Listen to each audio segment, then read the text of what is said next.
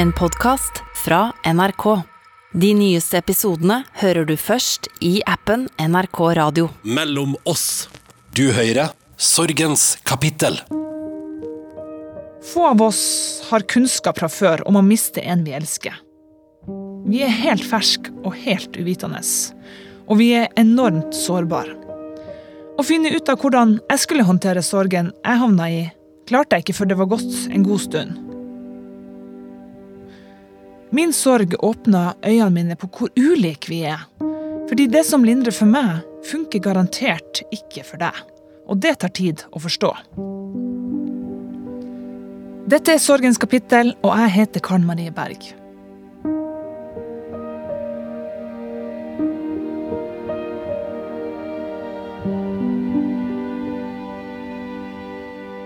På tre uker opplever Vanessa Rudjord at pappa Øyvind og storebror Øyvind dør ifra henne.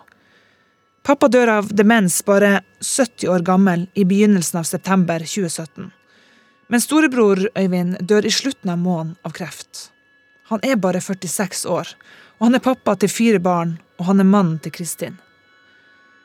Det er mye på én gang, og sorgen til Vanessa har hun helst holdt mest for seg sjøl, fordi det har vært så vanskelig, blant annet, å snakke om.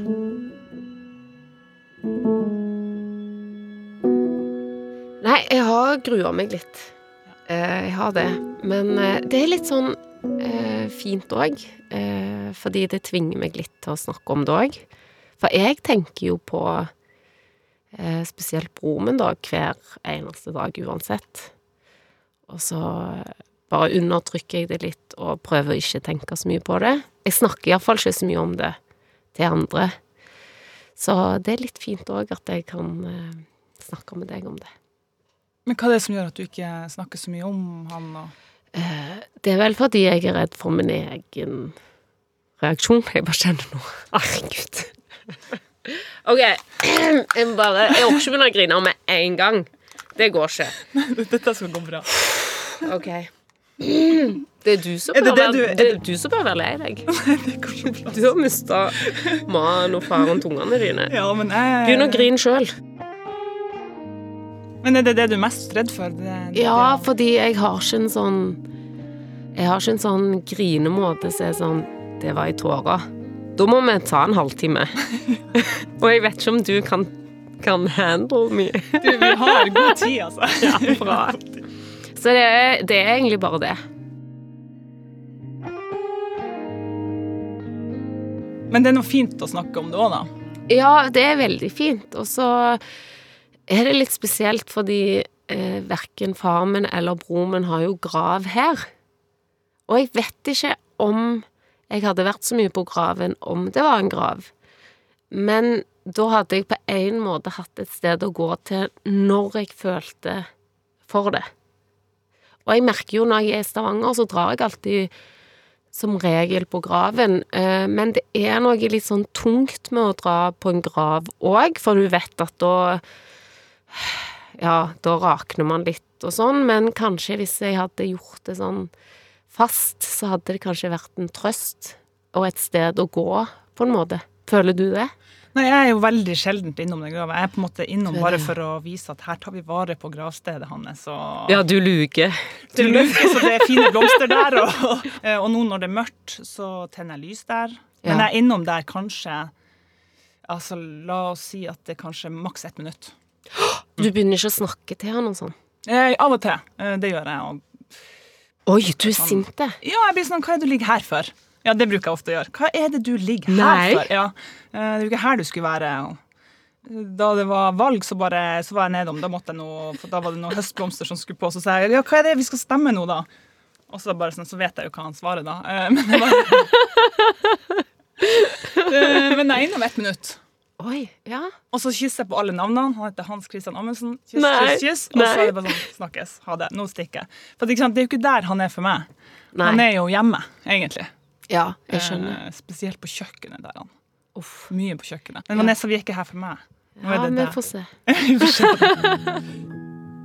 Å være en flokk er alltid godt. Men å ha sin egen gjeng innenfor husets fire vegger er enda bedre. For Vanessa så har hun vært omringa, beskytta og elska av tre eldre brødre fra den dagen hun kom til verden. De har betydd alt, vil jeg si. Og jeg tror nok de har forma meg mye mer enn foreldrene mine. Eh, fordi når man er fire barn, så blir det jo òg eh, kanskje litt eh, mye å holde styr på for foreldrene, men da blir jo òg da søsknene ofte veldig nære. En union. Ja, og så jeg som var yngst, da, eh, jeg hører Altså, jeg hørte jo mer på brødrene mine, som jeg syntes var mye kulere enn foreldrene mine, selvfølgelig. Og så de Og, og de var jo ganske spesielle òg. De var veldig sånn beskyttende, siden jeg var yngste jenta. Og de ga meg veldig selvtillit. Og jeg tror òg Jeg kjente sånn, selv om jeg kanskje hadde få venner, eller jeg ikke, altså, ikke ble invitert på klassefest, eller sånne type ting, så kjente jeg det gjør ingenting. For brødrene mine syns jeg er kule, så det går helt bra. Så jeg fikk en veldig sånn trygghet gjennom de, og jeg så veldig opp til de, og Og de er jo en De var jo en sånn De er ganske tøffe gutter, alle tre. Men Øder, da, som døde, han, han var Han var helt klart, og det ville alle sagt i familien, at han var den snilleste av alle. Og han hadde en eh, veldig sjelden kombinasjon av å være eh, veldig snill, alltid sånn lunt eh, glimt i øya, helt siden han er liten. Fantastisk fine øyer. Og alltid sånn glimt. Men allikevel så visste jeg at han hadde brukket armen på hvem som helst som prøvde seg på meg.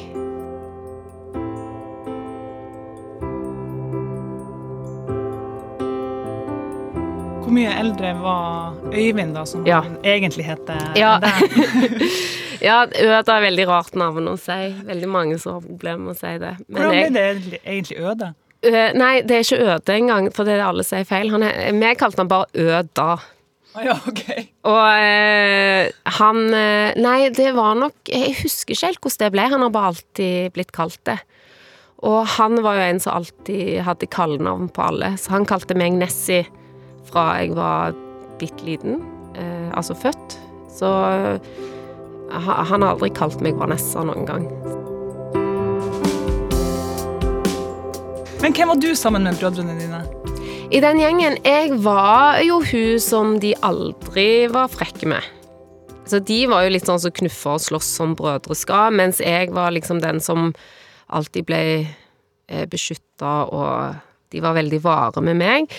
Samtidig så gjorde de meg ganske tøff, fordi eh, de var jo tøffe. Og de lærte meg at jeg måtte aldri ta dritt fra noen. Enten kom de og tok de, eller så måtte jeg gjøre det sjøl. Så eh, de ga meg en sånn eh, Kanskje litt tøffhet, som jeg er ganske glad for jeg har hatt. Og eh, som har gjort at jeg Ja, at jeg føler Jeg vil aldri la en mann herse med meg, eller Ja. Og det har du tatt med deg? Det har jeg tatt med meg, og sånn er jeg ennå. Jeg liksom, men så er det jo òg Jeg kommer jo òg i situasjoner da hvor Kanskje jeg krangler med en mann ut i trafikken eller på gata, og så blir jeg Jeg blir veldig provosert hvis noen prøver å true meg. Og da kan jeg nok havne i sånn blir, Altså, i situasjoner som kan være litt farlige òg, fordi jeg tenker ja ja, men brødrene mine er rett bak meg, de kommer og skambanker deg hvis du, gjør noe med meg. Men eh, det er jo ikke alltid at de er der når jeg er i en sånn situasjon. Og det er jo dessverre sånn det skal bli. At det ikke alltid er sånn at de er der når Vanessa trenger dem som mest.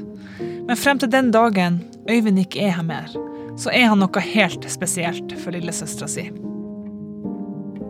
Han var jo da eh, en eh, veldig kjekk fyr. Eh, han var den broren min som alle på skolen var forelska i. Han eh, ligna på den tida, det var jo på 80-tallet, han ligna litt på han Karate Kid. Han var bare enda penere. Og, eh, men han var ikke så interessert i jenter. Han eh, var litt sånn Han brydde seg ikke så mye om det. Helt til han traff kjæresten sin som han var sammen med hele tiden.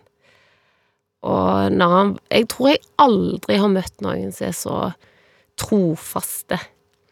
Og det er jo eneste dama han har hatt, er hun som eh, han var gift med helt til han døde. Og han var Han var forelska i henne helt til slutt, og det var hun òg i han. Så han var en fyr med veldig god selvtillit som ikke trengte å ha oppmerksomhet fra andre, eller Han hadde nok med bare henne. Så sånn sett så var han jo litt uvanlig. Eh, å bare ha hatt én kjæreste hele sitt liv, og være lykkelig med det. Og han fikk jo da fire barn, han òg. Så eh, han tok den Han var den eneste som tok det videre. Og få så mange barn. Men de var jo en sånn familie som eh, fiksa det fint å ha fire barn. Det var alltid harmoni og kjærlighet og ja.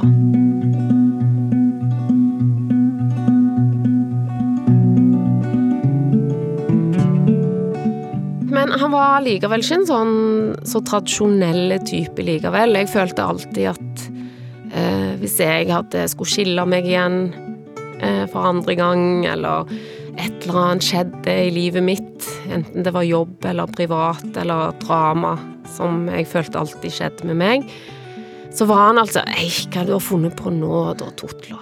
Og så var det alltid med sånn kjærlighet, det var aldri noe dømming, og det føltes veldig sånn fint og trygt å gå til han med alt. Og han var vel den òg i familien vår, eh, siden foreldrene mine skilte seg ganske Eller når jeg var 13. Da ble det litt sånn Siden vår familie ikke er sånn som er så flinke å holde kontakten og ringe oss og sånn, så var han den som alltid samla alle til jul. Eh, han ringte alltid sånn fast til alle i familien. Han var den som var mest sånn familieskjær og opptatt av å holde oss sammen.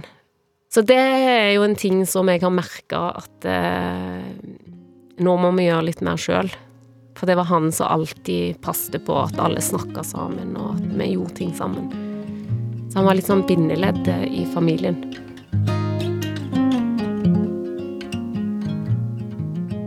Å miste to i en familie på tre uker er veldig krevende, men pappa Øyvind sin død var mer til å holde ut, til tross. Det var jo mer naturlig at han skulle dø, bare fordi han er pappaen vår og eldre enn oss, altså at han var 70. Eh, og at han eh, ble dement. Det var jo da vi følte at vi mista han. Eh, han ble jo eh, dement av en eh, stråling, for de, var, han, de fant en svulst på hjernen, så de strålte han veldig hardt. Så det gikk veldig fort fra at han var helt oppegående og fin og hadde eget firma og spilte fotball, til at han en dag ringte meg og grein og han hadde aldri grenet foran meg noen gang. Så da ble jeg jo veldig redd, og ringte til broren min og sa at du, pappa ringte meg og grein. Det var veldig rart. For vi så ikke den sammenhengen med den strålingen, og han var helt fin, kreftfri, og alt var greit. Og det var nok ikke en ondarta svulst heller. Men eh, når da broren min dro opp til han og hjem til han, så var det bare å ta en rett utredning, og da var han så dement som man kan være, da, når man tar en sånn test. Og eh, vi prøvde jo å ha han hjemme så lenge som mulig, med sykepleier og sånn, men eh, det var veldig vanskelig. Så det gikk ikke. Så han eh, kom på et sykehjem, eh, som jeg syntes var veldig vanskelig. Det at han var på et annet hjem, eller? Mm, at han var på et annet hjem, men òg at når jeg besøkte han, så merkte man at han var Han var ikke seg sjøl. Og han ble, han ble ikke sånn aggressiv som mange blir når de får alzheimer eller blir demente. Så det var jo bra. Men han var som en sånn fjern, mild person. Og så var det jo vanskelig, og jeg kjente jo jeg ble alltid så trist etter jeg hadde besøkt han, så det gjorde jo at jeg besøkte han ikke så mye, og jeg bodde i Oslo, så det var jo broren min, Øyvind, da, som besøkte han mest og tok vare på han hele veien. Og det var jo jeg veldig takknemlig for, men så var det òg en sånn Så jeg har litt dårlig samvittighet for, var at eh, vi la det alltid på han snille broren min til å ta seg av alle de vanskelige tinga. Eh, så Nei, jeg syns det var forferdelig trist eh, når vi mista pappa hele veien litt og litt, og det er jo selvfølgelig mange vonde situasjoner som jeg tipper at mange som har opplevd og vært pårørende til folk med Alzheimer eller dem, å være demente, er jo at det er liksom pappaen din som du har sett opp til, og som har vært liksom en fyr som alltid har tatt vare på deg, blir en som trenger veldig å bli tatt vare på, og så gjør mye rart. Eh, jeg, men jeg følte han alltid beholdt litt av den der lune humoren som han alltid hadde, og den skinte litt gjennom av og til. Selv om det var kanskje i situasjoner som han hadde kanskje vært litt flau for hvis han visste hva han gjorde, men eh, det var for eksempel han Vi var i eh, en konfirmasjon i familien, og så eh, reiste han seg opp og holdt tale, og da blir jo alle veldig nervøse når han ser er dement skal holde tale. men da reiste han seg opp, og så sa han ja, dette var en fin konfirmasjon, dette, men ikke så bra så dåpen til eh, den andre barnebarnet hans. Og da begynte han å legge ut om den, hvor god mat det er, og der var det thaimat og buffé og Greit, dette òg, men han begynte liksom å disse litt maten i den konfirmasjonen han var. og, det, og, det, tror jeg han mente. For han hadde helt rett. Men eh, ja, det var jo litt sånne ting. Men hva dere gjorde da? Lot dere han holde på? Vi lot han holde på. Så, og han ble liksom Det som var litt fint, var at han var ikke sånn som plutselig kom til seg sjøl. Så det var jo nesten Jeg tror at det er bedre å være 100% Altså så dement man kan være. Jeg tror man er lykkeligere da enn om man plutselig kommer til seg sjøl imens man står og holder en tale og skjønner 'oi, hva er det jeg gjør nå?' og så blir de triste og lei seg for at de er helt ute. Han satte seg ned med den største selvfølgelighet og var godt fornøyd med egen tale. Det er litt artig, eller det er ikke artig i det hele tatt, men jeg har en far som er dement akkurat nå, som er Oi. akkurat i den prosessen som du har hatt. Uh, han, og det var, Jeg var på høstferie nettopp, og så, um, og så er han kommet dit at han vet ikke hvem jeg er lenger. Det der å besøke han syns jeg er kjempevanskelig. Ja. Jeg måtte ha med meg søstera mi, som da er din Øyvind, da, uh, ja. som alltid tar seg av uh, foreldrene våre når de trenger hjelp. Ja. for jeg sa jeg, jeg vet ikke hva jeg skal snakke om. Så du må være med, du som har han i dagliglivet ditt. Uh, og da var det greit, for da hadde jeg noen å lene meg på. For jeg tør ikke å dra dit alene. For han er en helt annen enn den, den faren jeg hadde. liksom. Ja, altså ikke redd for Nei, sånne ting. Hun vet uh, hvordan de skal tulle, og, og, hvilken humor han har nå. Og, ja. For det er jo så langt unna. Så jeg er jo ikke Jeg ser han tre-fire ganger i året, liksom. Ja, ja, det var litt samme som meg, ja. siden jeg bodde her. Mens jeg merket òg at når Øda jeg, når vi dro opp sammen til han, da var det bare sånn 'hallo', han må kødde med han. Og, og tørde å være litt irritert på han. 'Nei, må du gi deg, jeg kan ikke kjøpe tiende mobilen til deg denne måneden'. Eh, og hva er det nå du har kjøpt på nett? Er du helt ute? Altså, de hadde den, og det var så fint å se, fordi han tok skiene silkehansker, med silkehansker. Og han var sånn 'nei, nå må vi klippe deg', og så kjørte han og bare barberte han på hodet og klippet han. Og han var liksom Han var ikke redd for å ta i han. Eh, mens jeg sitter helt sånn sjokkskada og ser på far min og prøver å snakke om Ja, men det er jo fin utsikt her.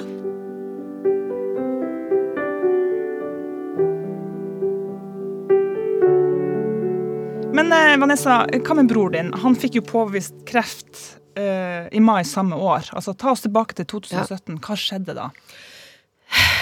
Nei, han, det var jo som ringte meg for å fortelle at pappa Eh, han har alltid vært den som har gitt meg eh, beskjedene, og siden pappa var på sykehjem òg, så var jeg jo Så ringte han, og så sa han Hei, eh, Nessie, går det bra?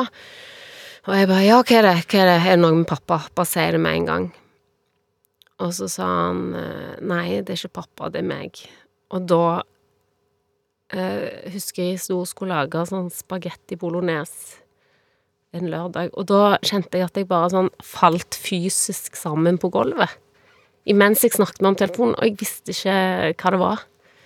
Men jeg bare visste at det var noe fælt.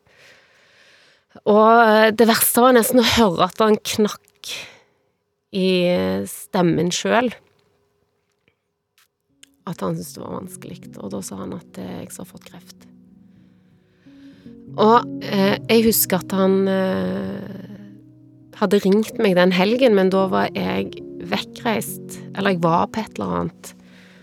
Og eh, da hadde han skjønt det, og da hadde han ikke sagt det til meg. Og han andre broren min var på, i Danmark på sånn motorsykkeltreff, så han eh, hadde ikke sagt det til han ennå. Så han sa bare 'jeg venter til han kommer hjem', så jeg trenger ikke å si det til han der. Så han var alltid sånn omtenksom og fin. Eh, men eh, da gikk det Da gikk, syns jeg det gikk så fort. Eh, og jeg var så glad for at han At det funka med cellegift og stråling, og at han ble kreftfri. Men så var det jo da at det var en så hissig leukemitype at han måtte Eller han måtte ikke, men han burde ta stamcelletransplantasjon, som er for å vite at det ikke kom tilbake. Og det er jo en ekstremt tøff behandling. Fordi da må man eh, på isolat, og så må man bryte ned kroppen helt så, Nesten som man er død. Og så skal man da bli gjenstarta med ny eh, stamceller, da. Sånn at alt blodet skiftes ut. Og han eh, døde jo underveis i denne, mens han var på isolat. Og jeg tror jo at den eh, prosessen der eh, var den som satt sånn i meg. Fordi den gjorde meg veldig redd mens jeg var der. Jeg, man, og man sitter hele veien og håper og håper, og tror jo at det skal gå bra. For det var egentlig et ganske naturlig forløp at man skal bli så syk. Og så, når det ikke da gikk likevel, så var det som et sjokk at, det, at han faktisk døde.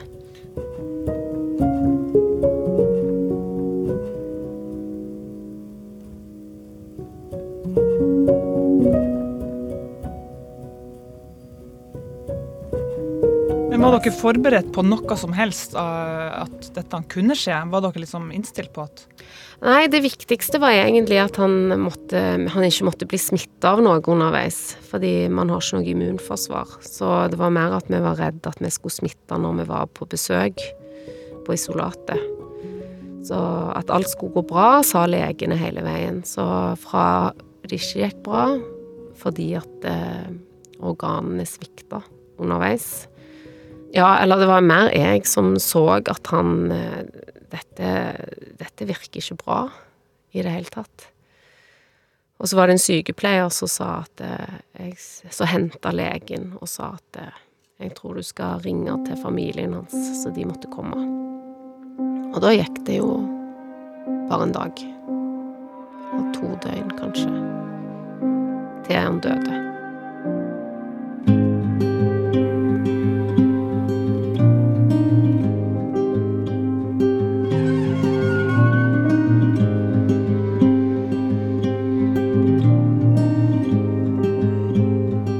Men hva sa Øyvind da om den kreften han hadde fått, og livet hans fremover? Hva, hvordan så han på livet sitt? Nei, han øh, Han var veldig sånn positiv og tenkte aldri at han skulle dø. Og han øh, var glad for at behandlingen funka, og han øh, ville ta den stamcelletransplantasjonen på strak arm fordi han sa ja, men det gjør jeg, for dette skal vi ikke ha igjen. Så han var veldig rolig gjennom hele prosessen når han eh, var på sykehuset på isolat òg, og var liksom fortsatt den som skulle være rolig og trygg og si at dette går fint. Mens eh, det var kanskje vi rundt som var litt mer bekymra og stressa. Så jeg følte at han takla det veldig bra. Men eh, vi snakka aldri om at han kunne dø, eller at eh, det var et alternativ. Og det, det syns jeg òg var vanskelig, husker jeg, etter han døde. For jeg følte at liksom, vi ga han aldri muligheten til å snakke om kanskje han var redd for å dø. Vi åpna aldri opp for det, men jeg tror at det var hans måte å komme gjennom det på, var å hele veien ha håp og tro på at det, det skulle, skulle gå fint, da. Eh, Så han var egentlig veldig fin oppi alt. Ja. Som vanlig. Når far din dør, eh, hvor lang tid får du til å sørge over han før du må rette blikket mot Øyvind, da, som da ligger på isolat? Ja, det, det var akkurat det, fordi jeg følte aldri jeg fikk sørge pappa ordentlig, egentlig. Fordi det var sånn Ja, nå døde han, nå er det begravelse, nå må vi få gjort det, men nå må vi bare ha blikket på broren med en gang. Det var bare rett tilbake dit, for det var så viktig. Det var så mye viktigere at det skulle gå bra med han. For han eh, var ung, hadde en familie, han var ikke dement. Han hadde hele livet foran seg. Så eh, det ble veldig fort fokus over der. Så jeg var litt sånn at jeg hoppa litt over den sorgen å miste pappa, men samtidig så følte jeg at jeg hadde allerede hatt fire års prosess på når han var dement. Fordi da sørga jeg litt hele veien for at han døde på en måte Eller jeg mista han iallfall litt hele veien. Så den sorgprosessen var kommet så mye lenger. Og det med at pappa døde, var litt godt òg. At det var sånn Han skulle få slippe det livet. For han ville det. Ja, det tror jeg. Ganske så sikkert at han ville. Men for en spagat å stå der med far din da som mest sannsynlig ville dø, og så Ja. har du bror din på andre sida.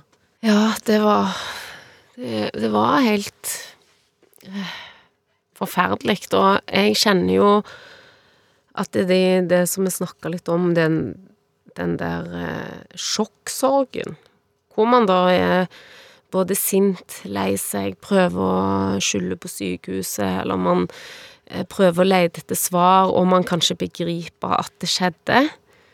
Um, da klarer man ikke sånn Det tok veldig mange år før jeg klarte å savne broren min. Fordi det var bare å prosessere den sorgen og eh, Og hvor vondt det var for barna hans og dama hans, og at det, det var liksom så rått og brutalt. Så jeg føler vel kanskje at det tok sånn tre-fire år før jeg kjente at eh, ok, nå er det en annen type sorg som er eh, bedre, for den er ikke like sånn skarpe og slår deg ikke sånn i magen. Eh, for, fordi når de første årene så hadde jeg mest sånn at jeg bare grein i dusjen mest, og når jeg var aleine, og det var ikke noe sånn god grining, det var sånn brutalt. Vondt, fysisk vondt, mens nå så føler jeg at det har letta. Og nå begynner jeg å savne han mye mer, og at det blir mer et savn enn en sånn vond sorg.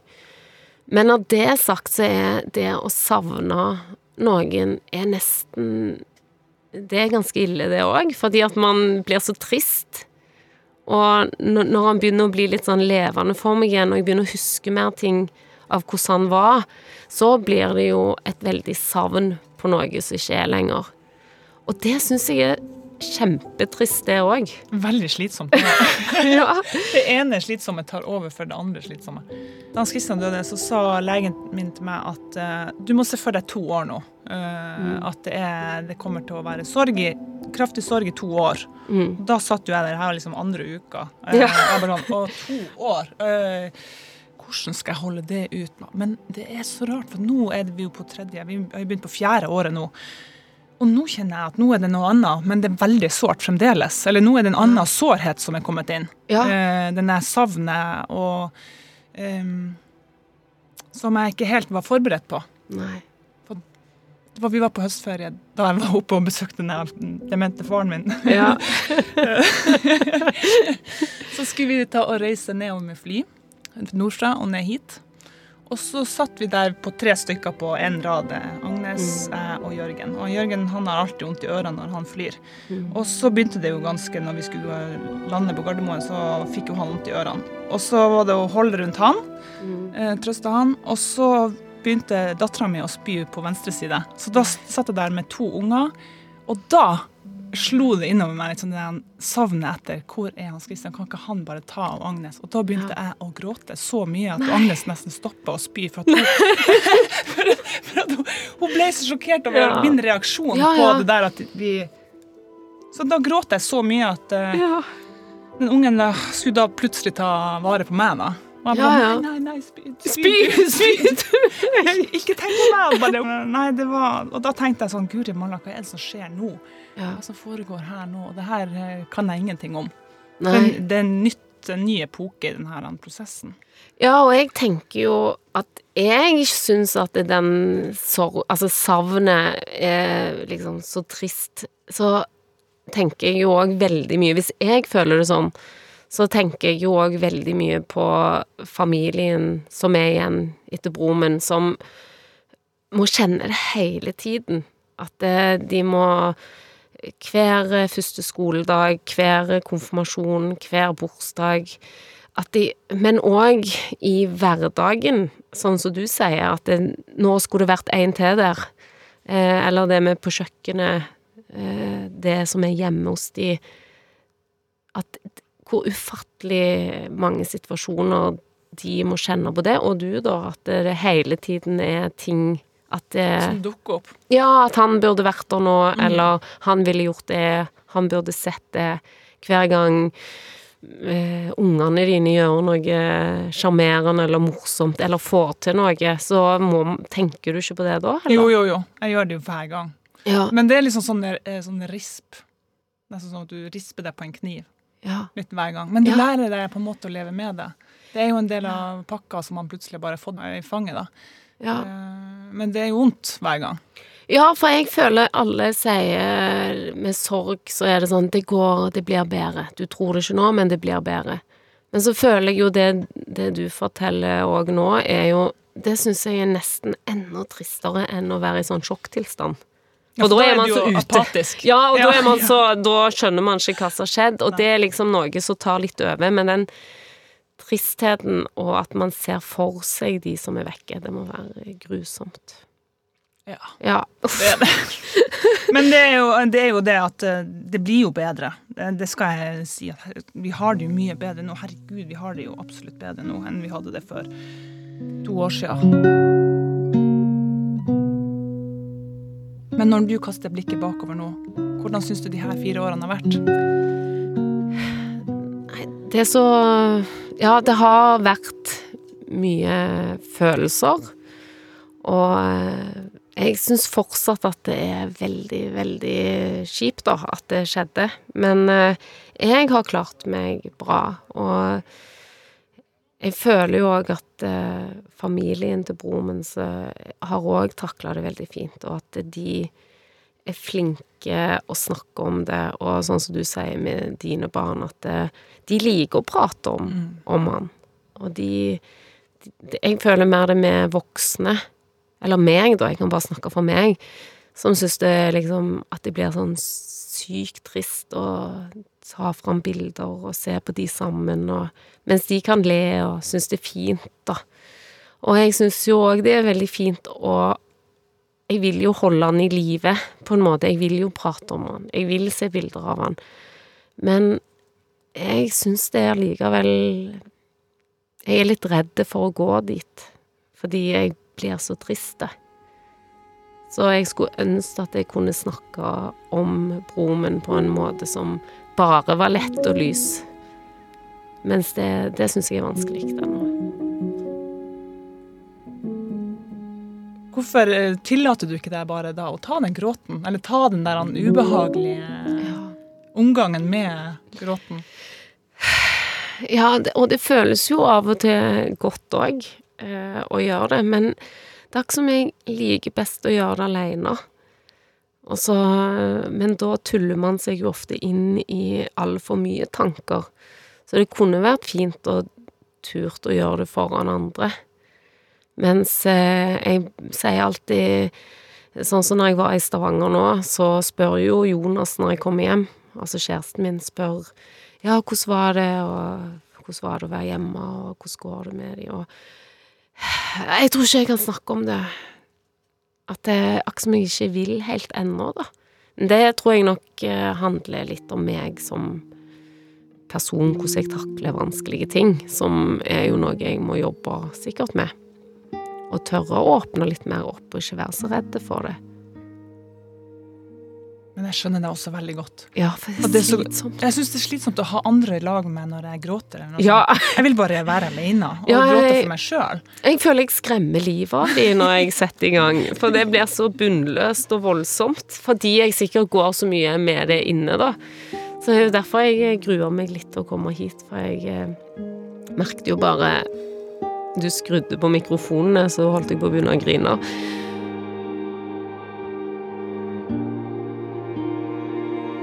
Hvordan er det å være da svigerinne og tante Mm. til de her fire barna som har mista faren sin? Hvordan er det å stå Du er jo på en måte pårørende, det er bror din som har gått bort, men Ja. samtidig er det jo De som lever med det Ja. hver dag, føler jeg. Ja. Føler du at det strekker til? Nei da, jeg føler ikke jeg er flink nok i det hele tatt til det.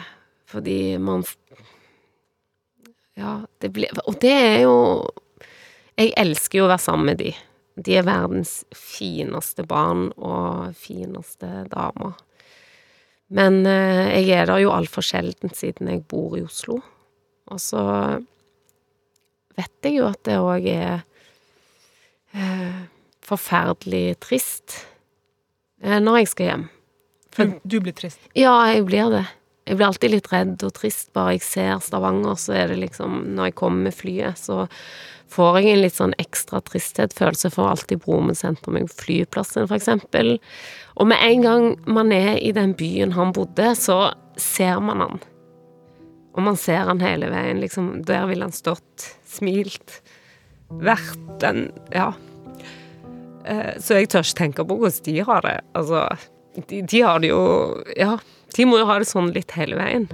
Så jeg tror jeg hadde eh, Jeg tror ikke jeg hadde takla så bra sånn som de har takla det. Nei. Eller du. Men hjelper det ikke litt å ha barn så du må oh, det er helt fantastisk. liksom gjøre en fin eh, dag for å ha det fint? Ja, det, jo, det har jo betydd alt. Ja. For at man må komme i gang, og man må holde hjulene i gang. og holde alt oppe, men av og til så blir man jo litt sliten av å alltid være den der sterke som skal liksom bare Dette her klarer vi. Holde hus og hjem og alt. Ja, og det liksom- praktiske er sikkert litt sånn som man griper etter òg, for det er jo så lett. Eller nå sier jeg lett eh, i gåsetegn, fordi eh, jeg husker jo bare sånn med en gang det skjedde, så var jo alle i familien bodd hos oss Oslo siden han var her på sykehuset. Og da ble jeg helt sånn Nei, jeg vil ikke sitte og prate og klemme og sånn. Jeg vil lage mat. Eh, Jeg vil eh, passe på at alle får mat, alle har rent sengetøy. Det var så takknemlig å kunne gjøre noe fysisk. Og at man eh, Og det tenker jeg jo er litt hvis man mister faren til ungene sine, som du har gjort, så må Så er det en litt redning òg, og Kan jeg bare få lov å gjøre praktiske ting, sånn at dere har det fint? For det er jo mye lettere enn å være lei seg, egentlig. Det er de ungene som er det viktigste. Det er dem mm. som skal ha det best mulig hele tida. Ja. Eh, så du, man har jo en, virkelig en oppgave eh, Ja. som man dyrker. ja. Virkelig. Og går inn i. Ja. 100% Så nei, det er jo Men også veldig slitsomt, for når du ikke har så mye energi, eh, Mm. så er det liksom Oi, eh, du kan ikke tillate deg å ikke ha det. Nei. Jeg har i hvert fall ikke tillatt meg å Nei. ikke være eh, på offensiven. Eller jeg har aldri ligget ned. Nei. Eh, det har jeg ikke gjort. Nei. Det har vært eh, full pinne fra 29. juli 2018. Ja. Og det har jeg av og til kjent på, at det er litt sånn at jeg kan ikke på en måte være syk.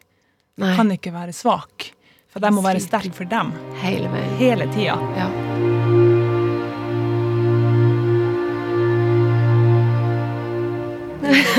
men, men det er jo også det der at det, det du sa om det der, og når du kommer hjem til Stavanger, så ser du han overalt. Ja. Eh, tror du at det kommer til å gå over eh, med tida?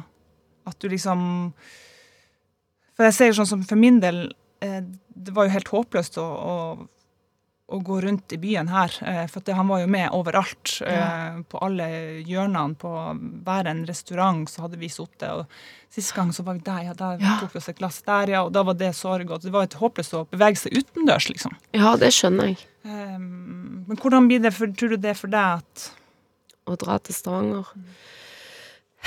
Ja, jeg, jeg syns jo akkurat det syns jeg jo er litt, litt fint òg. Fordi Og det er nok fordi at det er en litt ny type sorg, da. At jeg eh, kjenner at eh, jeg ser han for meg, og jeg husker han, og For rett etter de har dødd, så er det akkurat som du ikke klarer å huske. Man blir litt sånn panisk på at man eh, er så redd for å glemme hvordan han var, og glemme ting, at man klarer ikke å huske noe av han. Og man ser han ikke så tydelig for seg. Og det syns jeg er litt fint å bli påminnet når jeg er i Stavanger, at jeg ser for meg hva han ville gjort. Eh, hvordan han ville stått, hvordan han ville smilt, hvordan Ja, hvordan han hadde tatt imot oss, eller Og det er litt fint òg. Så det er, ikke, det er mer sånn blaff som hele veien går gjennom meg, men på en litt fin måte. Det jeg syns er veldig fint nå etter det har gått tre år, at jeg nå husker hva som irriterte meg med han òg. Oh, så Det bra! er så koselig! At det har kommet i det siste. For det, det, Ja. Hvis det oppstår en situasjon, så vet jeg at OK, der ville han skulle blitt irritert. Og så hadde han blikka meg, og så hadde jeg blikka han, og så hadde vi begynt å småkjekke. Og det har først kommet nå. For at han har vært bare så opp på en sånn Ja, det. gallionsfigur frem Ja. til nå. Eh, for jeg kom over en video der han eh, tar en video av ungene, og så hører jeg han bare komme med en sånn kommentar til meg på videoen. Og så kjente jeg faktisk at jeg ble irritert bare av å høre på det der han tjatet han hadde i bakgrunnen der. Og jeg bare sånn Å, takk og lov. Endelig Ja. er vi der, liksom. Ja, at det liksom- blir litt mer sånn som det faktisk var. Ja. ja. Det var jo sånne dager òg.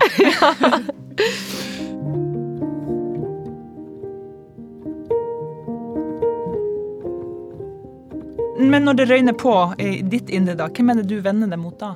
Er, eller vender du deg innover? Jeg vender meg nok eh, veldig mye innover, og jeg har en sånn eh, Det er rart med det, fordi når høsten kommer og det blir september, så er det September er nok litt ødelagt for meg for alltid. Fordi man kjenner sånn i lufta, og alt ser likt ut, og alt føles likt. Så blir man mye mer påminnet. Og da vender jeg nok meg mye innover, eh, men da sender jeg alltid sånn melding til Jonas, sånn at han vet hvordan jeg har det. Jeg skriver at eh, det er ikke noe vi trenger å prate om, men eh, jeg har det sånn og sånn nå. Jeg drømmer mye om broren min, jeg tenker mye på han, jeg sover ikke så godt i det, altså så da bare informerer jeg, sånn at eh, han skjønner hvordan jeg har det. For det er viktig for meg, at de rundt meg vet hvordan jeg har det. Eh, sånn at de ikke tror det er noe som handler om de. Men jeg vil veldig gjerne være i fred med de følelsene og tankene. Ja.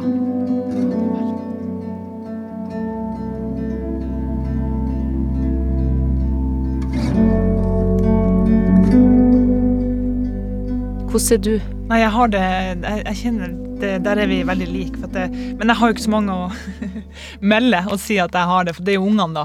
Ja, ja. Eh, Men det er mm, Hvis at jeg sliter litt, så er det jo meg sjøl. Og det er godt å bare være alene. Jeg liker å være alene. Eh, Jeg kan liksom nevne det til ei venninne, sånn, bare sånn at jeg har sagt det Ja. til noen. ja. Eh, Men så vil jeg ikke snakke om det. Nei, du vil ikke det, du? Nei, jeg blir fort irritert hvis de da som forteller hvordan går det. Nei, nei, Ja. nei. Da kutter jeg av, og da føler de seg en sånn smekk på fingrene, liksom. Ja. Nei, ikke kom inn på det der.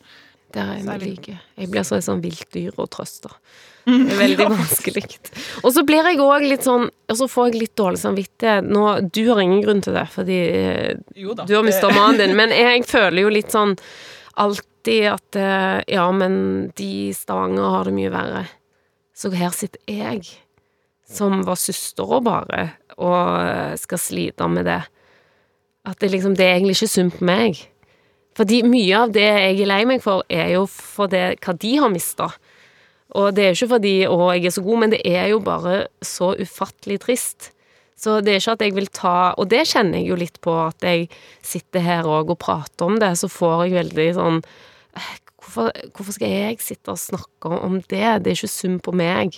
Det er mye mer synd på de som mista pappaen sin og mannen sin, som levde med han hver dag. Eh, så, så derfor òg føler jeg litt sånn at eh, åh, jeg skal ikke ta så mye oppmerksomhet, eller Jonas må ikke trenge å sitte og snakke med meg, og familien min trenger ikke skal sitte og snakke om hvor fælt jeg har det. Ja, for det er ikke synd på meg. Ja, det er jo litt sånn, og jeg hater jo når folk syns synd på meg. Litt rart, da. Men det er jo eh, bror din, da. Ja, det er jo det, og vi har jo Og han var jo en sånn Han var jo den vi nok alle i familien følte oss på en måte mest sånn nær. På en måte fordi han var den som holdt alle sammen, da. For han var jo nettopp det. Han var jo pappa til en fin gjeng. Mm. Han var mannen til eh, Kristin. Det er jo det vondeste av alt. Og eh, de er jo Det er veldig godt å se at de er verdens fineste folk. Selvfølgelig. Men det er de. og eh, Kristin da er jo helt superheltmor. Og så varm og tålmodig og fin og bra mamma til de ungene. Så det er jo sånn som eh, meg og Synnøve var på besøk hos de nå i helgen. Og da var det det Synnøve sa når vi gikk ut derfra, så sa hun bare fy fader. Jeg skulle sånn ønsket at Øda visste hvor fint hun har tatt vare på de ungene, og hvor fine de er, og hvor bra Kristin er. Og da var det veldig fint å kjenne at det, eh, det visste Øda lenge før han døde. Fordi hun har alltid vært sånn. Og det var en sånn fin trygghet. Jeg tror han aldri hadde vært bekymra for at ikke hun klarer å ta seg av de fire ungene. Og det er iallfall en litt sånn trøst, da.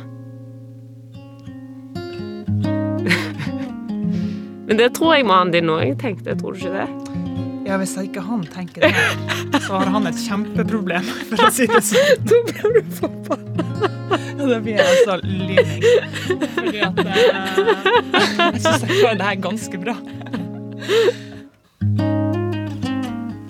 Selv etter tre år tenker jeg ofte, ja, eller kanskje hver dag faktisk, hvorfor var det nettopp han som måtte dø den dagen? Han som er så spesiell. Han som er så omsorgsfull og så klok, og så veldig våres. Og like ofte tenker at det er de fineste folkene som dør ifra oss. Det er de som går først. Det fins ingen som han. Og det skjønner jeg at alle sier. som mister noen de elsker. Men, men det gjør ikke det. Altså, det er helt sant. Det er ingen som var som han, for han var helt spesiell. Og dette er jo kjipt å si overfor mine andre brødre, men, eh, og mor og far. Men jeg husker jo når jeg var liten, så var jeg alltid mest redd for det skulle skje noe med han. Fordi Ja. Og det tror jeg alle tenkte, for han var liksom ekstra, ekstra fin. Men jeg hadde sikkert syntes det om de andre òg. Nei, det blir veldig rart å si, men uh, jeg hadde alltid den følelsen. Jeg, siden jeg hadde tre eldre brødre som veldig mange jenter var forelska i, så spurte de meg alltid hvem er det du liker best av brødrene dine. Og da svarte jeg jo alltid Høda. Og det var jo fordi at han eh, hadde den der mildheten og godheten samtidig som han var han tøffe broren. Og så ga han meg alltid litt sånn penger på si, da. Kjøpte seg kjærlighet. Så han kjøpte seg Han var smart.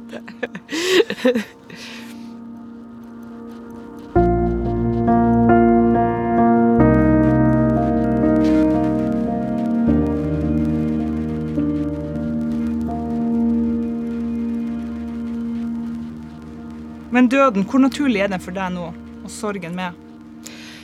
Eh, døden er, har, Han har på en måte blitt litt Jeg skulle nesten si litt mindre farlig. Jeg har alltid vært veldig redd for døden. Og grua meg til å dø. Har du det? Ja. Tenkte at å nei, livet går videre, alle har det kjekt, og her ligger jeg. Den. Så, eh, og det kjenner jeg jo eh, har jeg jo Det sleit jeg ganske mye med i starten, at jeg tenkte sånn Nei, nei, han må ha det så kjipt, han er død. Og når folk sa til meg Ja, men han vet ikke det, han får ikke med seg det. Så jeg sa ja, men jeg vet alt han går glipp av. Jeg vet det, og jeg syns så synd på han. I tillegg til at man syns synd på familien hans, så syns jeg Og det er nesten rart å si, men jeg syns aller mest synd på han som døde. At det er sånn Ja, men han er det så synd på, som måtte dø. Det var ikke Siden jeg er jo voksen og levde jo ikke med han, så jeg tenkte ikke så mye sånn 'Å, stakkars meg, jeg får ikke være med han'. Jeg tenkte 'stakkars han som ikke får være sammen med familie'. Jeg syns så synd på han. Og eh, det syns jeg var vanskelig. Men jeg, jeg har jo på en måte blitt enda mer redd for at noen rundt meg skal dø, fordi eh, jeg vet hvor jævlig det er. Og så har jeg nok blitt veldig når noe skjer i familien, eller en sykdom og sånn, så er jeg et helvete på de sykehusene.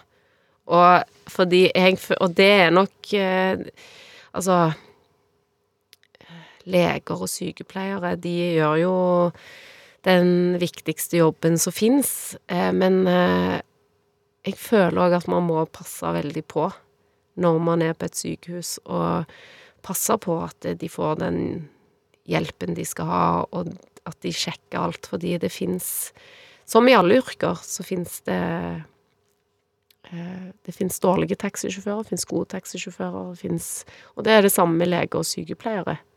At de må være på så jævlig på ballen. Og det føler jeg at de pårørende av og til har en jobb å passe på at de er. Og tørre å stille spørsmål og kjenne på magefølelsen. Og hvis du føler det er noe som er galt, så spør heller 20 ganger enn enn bare stol på at de gjør jobben sin. Gud, du- dette er jo veldig feil å si, men eh, jeg mener det.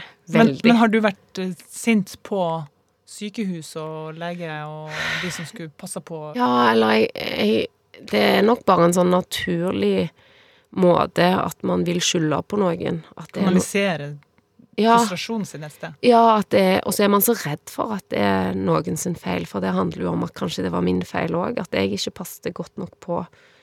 Og eh, det har jeg snakket med en lege om som, som var litt involvert, også som er en, en i familien. Så jeg liksom Hun måtte sitte og si at nei, de gjorde alt det riktige. Det er ikke Det, det kunne ikke blitt gjort annerledes.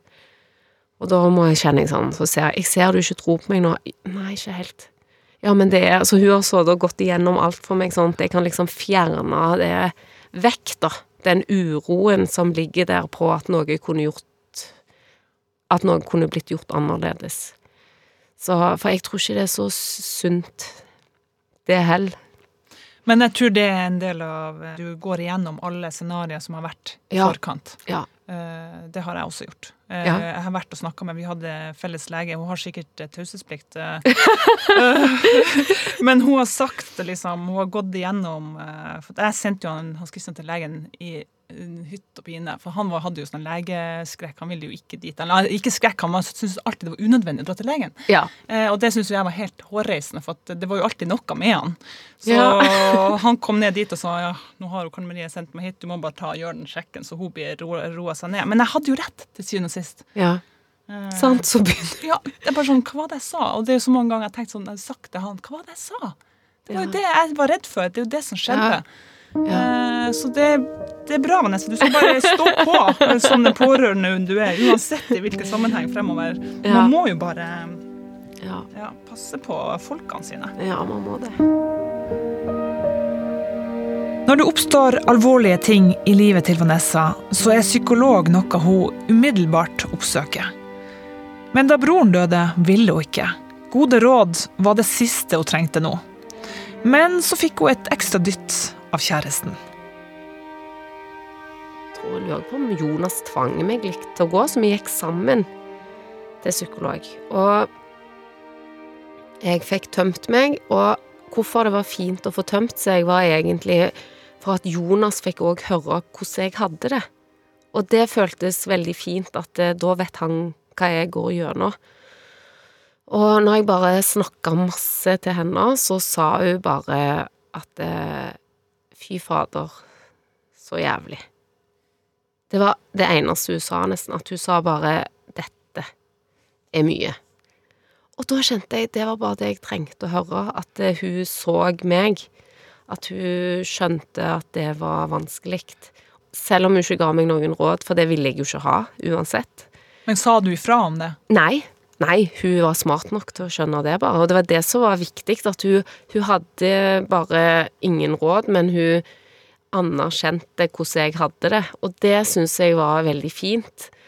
Og det Det tror jeg òg at man trenger når man går gjennom noe vanskelig, og det trenger ikke være en psykolog, men at det er noen som er der med deg, og som ser hva du går gjennom. Og det er jo hvis man har noen som er syke, da, på sykehus og før de dør, at det, jeg tror det er litt viktig at de rundt òg blir med inn og ser hva du står i, og ser den som er syk, for å kjenne at det, Ja, du ser hvor vanskelig dette er. At det er et slags sånn sannhetsvitne, bare. At det, det er av og til viktig å bare være der og se det, og oppleve det sammen med den som går gjennom noe vanskelig, enn å komme med så gode råd, fordi det det blir man jo bare sint av mens man står oppi det. Hvis venner skulle si sånn Ja, men kanskje det var fint for la Altså Altså, nei. Og da blir man sint, og da lukker man seg enda mer. Men jeg tror hvis man skal være en god venn til noen som mister noen, så tror jeg det er bare å si at Eller en psykolog. Å si at jeg ser hvordan du har det, og jeg er her sammen med deg. Og vi trenger ikke å snakke om det engang. Vi trenger ikke å klemme, men jeg ser alt hva du går gjennom. Det tror jeg er viktig. Og jeg er ganske sikker på at vennene mine og Jonas så veldig godt, og de var veldig involvert i hvordan jeg hadde det, uten at vi hele veien trengte å snakke om det. Og det syns jeg er det viktigste. Så gå til psykolog, Karen Marie. du kan få nummeret til min psykolog. Ja, det kan jeg få. Ja. ja, men jeg tenker helt at nei, det trenger jeg ikke. Jeg Ja, ikke- Gjør du det ennå? Mm, mm. Men gikk du én gang, bare? Ja, men det var ikke, det var ikke riktig person. Det har jo alt å si. Jeg har vært hos så mange ræva psykologer i mitt liv. Det har alt å si. Det er det samme der òg. Det er dårlige folk der òg, og veldig flinke folk. Hvis du finner rett, så føles det jo så ufattelig godt. Ja. Men jeg er jo sånn som du. Jeg råder jo alle til å gå til psykolog. Jeg går ikke til psykolog sjøl. Det er samme med en gang du har et lite problem og har prøvd å gå til psykolog. Men uh, sjøl gjør jeg jo ikke det. Men er det for du syns det er vanskelig nå, at du føler du har takla det så bra du kan, så det er ikke vits å Nei, jeg tenker at uh, sorg er sorg. Uh, det er noe du bare skal igjennom. Det er ikke så mye en uh, psykolog kan fikse på det, liksom. Det er en smerte. Pur smerte. Ja, det det svir. Og så er det jo ikke noe noen kan lappe på, eller noen kan trøste deg bort fra.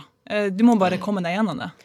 Ja, men kanskje hun kan si hvis, For du har jo sikkert noen tanker som er sånn Som hun kanskje kan hjelpe deg med, som er type om du har dårlig samvittighet, for nå virker du ikke som du har det, heldigvis. Nei, Men jeg er ikke dårlig samvittighet for noe.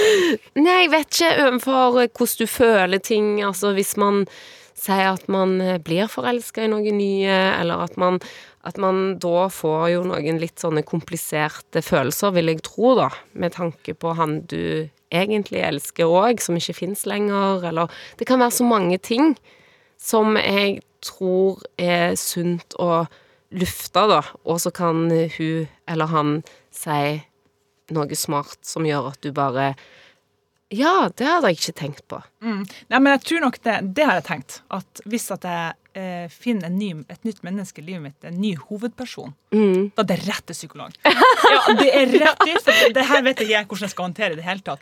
Og da vil jeg også da i så fall ta med meg denne personen. Ja, det Sånn er som du gjorde med Jonas eh, Ja. i forbindelse med Ja. eh, Det er smart. ditt psykologbesøk. Ja, Ja. fordi at, eh, for at jeg aner ikke hvordan jeg skal ta med meg den, den mannen jeg har hatt, inn i en ny relasjon. Det må jeg få profesjonell hjelp til.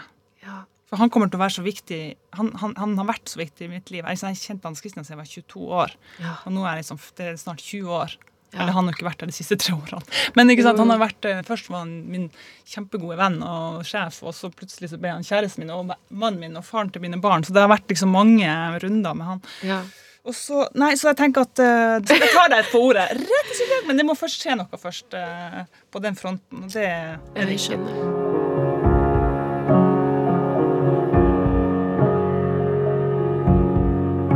det der å holde igjen på følelsene sine og sorgen. eh, har det noen gang kommet helt ut av kontroll? Ja, jeg, føler det Det skjer det, Og det er jo som du sier, at du begynner å grine i flyet når du minst bør begynne å grine, egentlig. og det, det kommer jo ofte sånn Du tror at nå er det greit å prate om. Eh, og jeg merkte det sist, så var jeg i bursdagen til Pia. Så satt jeg eh, ved siden av folk som jeg ikke kjenner så godt, og så snakket de om eh, kreft og eh, noe som hadde skjedd i deres familie, og så jeg, og så spurte de meg, og da bare får jeg helt sånn Tror at jeg kan prate om det. Og så merker jeg nei, det går jo ikke, og da begynner jeg sånn å grine sånn, og som jeg sa, jeg griner veldig ukontrollert, og det blir veldig sånn voldsomt når jeg setter i gang, og da kjente jeg at det kom, og da ble jeg veldig sånn Nei, det går bra, så det går bra, så bare for guds skyld, ikke klem meg nå, for da har vi det iallfall gående. Så jeg eh, det, det kommer litt sånn eh, når du minst venter det. Fortsatt. Det gjør det. Jeg hadde sånn her skikkelig gråtetokt på kaffebrenneriet på Sagene på trappa der. Oi! Fordi at det var ei, ei som kom bort til meg og liksom sa Herregud, hva er det som har skjedd hos dere? Jeg har fått det med meg. Og det var akkurat første skoledag. Apropos sånne store dager. Ja. Hadde levert ungene, eh, var nede der for å få meg en kaffe for å bare Så var hun gravid, og da begynner jeg, vet du. Du må ta vare på mannen din, og du må ta vare på barna dine. Ja. Og jeg gråt. Og stakkars dame, hun, jo, hun begynte jo å gråte, hun òg. Ja, ja. Det ble et, eh, et spetakkel uten like utover det. Så jeg har etter hvert bare slutta å si at eh, her går det bra. Ja. Ja, dette Ja. går bra. Eh, fint. Eh, for at jeg, jeg, måtte jo sende, jeg måtte jo sende beklagelse til henne etterpå, for hun kom jo helt, hun skulle bare vise litt omsorg, og så ender hun opp i et, en gråtetokt i offentlighet. Oh. Hva tenker du om livet nå etter du har vært igjennom det her? Vi må være takknemlige og glade for det vi har, og ta vare på det. Akkurat sånn som du sa til hun på Kaffebrenneriet. Pass på kjæresten din, ungene dine, og at man eh, skjønner at eh, det er det aller viktigste. Er familien sin og de man elsker. Og så må man bare elske litt hardere og litt, Litt mer, og Ja. tørre å si det litt mer.